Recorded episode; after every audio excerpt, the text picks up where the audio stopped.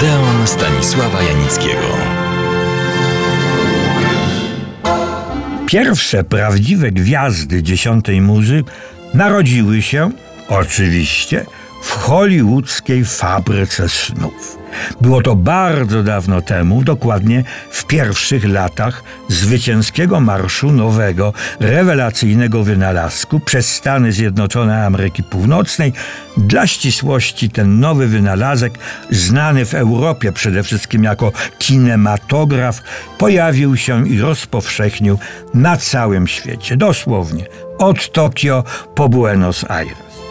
Niektóre kraje miały swoje oryginalne wersje ruchomych obrazów i oryginalnych wynalazców. Francuzi, braci Lumière, i oni jako zwycięzcy pozostali na placu boju. Ale Niemcy mieli też braci Skladanowskich.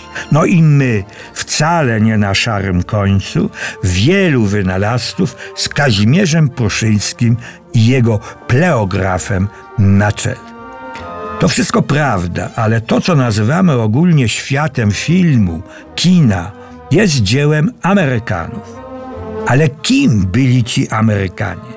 Przecież przybyszami z Europy, Azji, Australii. To ta fantastyczna mieszanka najróżniejszych nacji z całego świata stworzyła USA, a w konsekwencji i Hollywood tę wymarzoną krainę wszelkich możliwości. Również dla naszych twórców i ludzi interesu. Dlaczego o tych wszystkich okolicznościach wspominam?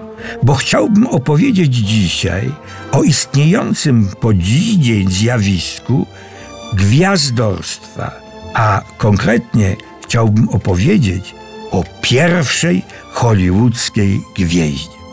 Nazywała się Florence Lawrence. Urodziła w 1886 roku w Hamilton, miasteczku leżącym w kanadyjskim stanie Ontario. Była córką aktorki teatralnej Lottie Lawrence. Miała trzy lata, kiedy z matką, która kierowała tym zespołem, odbyła pełne sukcesów turne.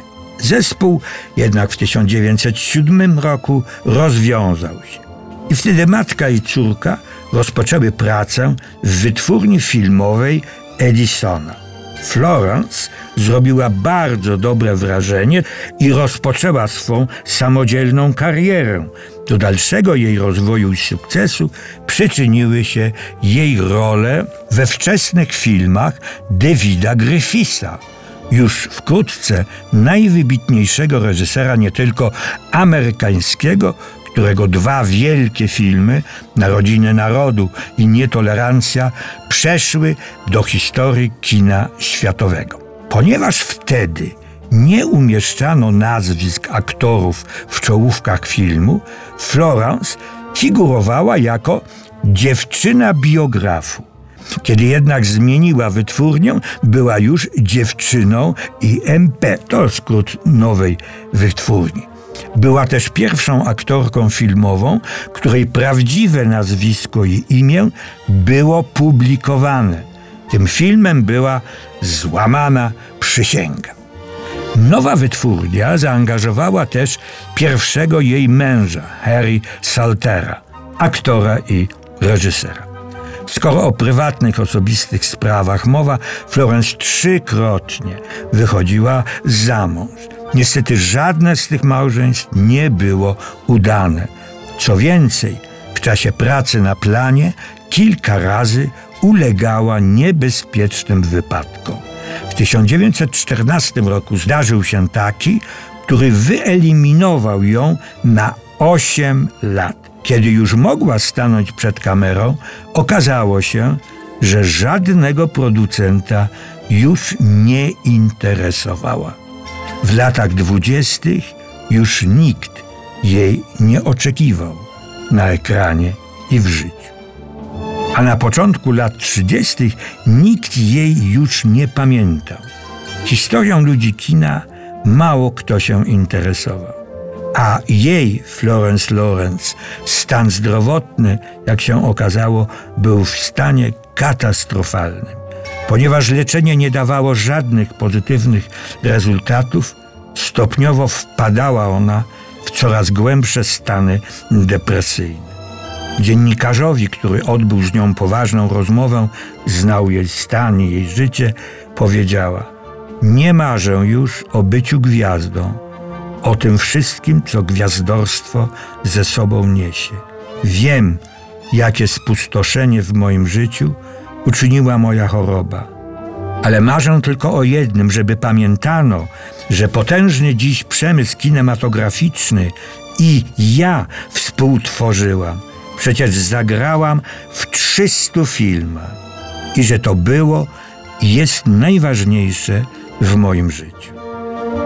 Nikt nie spodziewał się takiego przecież bezinteresownego gestu wytwórni MGM, która przekazywała Florence Lawrence regularnie małe, skromne, ale wsparcie finansowe, które pozwalało jej jakoś żyć. A ona w 1938 roku postanowiła radykalnie przerwać ten, jakże beznadziejny i poniżający dla niej tok życia.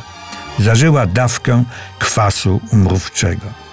Została pochowana 30 grudnia 1938 roku na cmentarzu. Wiele miesięcy, nawet wiele lat trwało, zanim ktoś zajął się postawieniem na jej grobie nagrobka.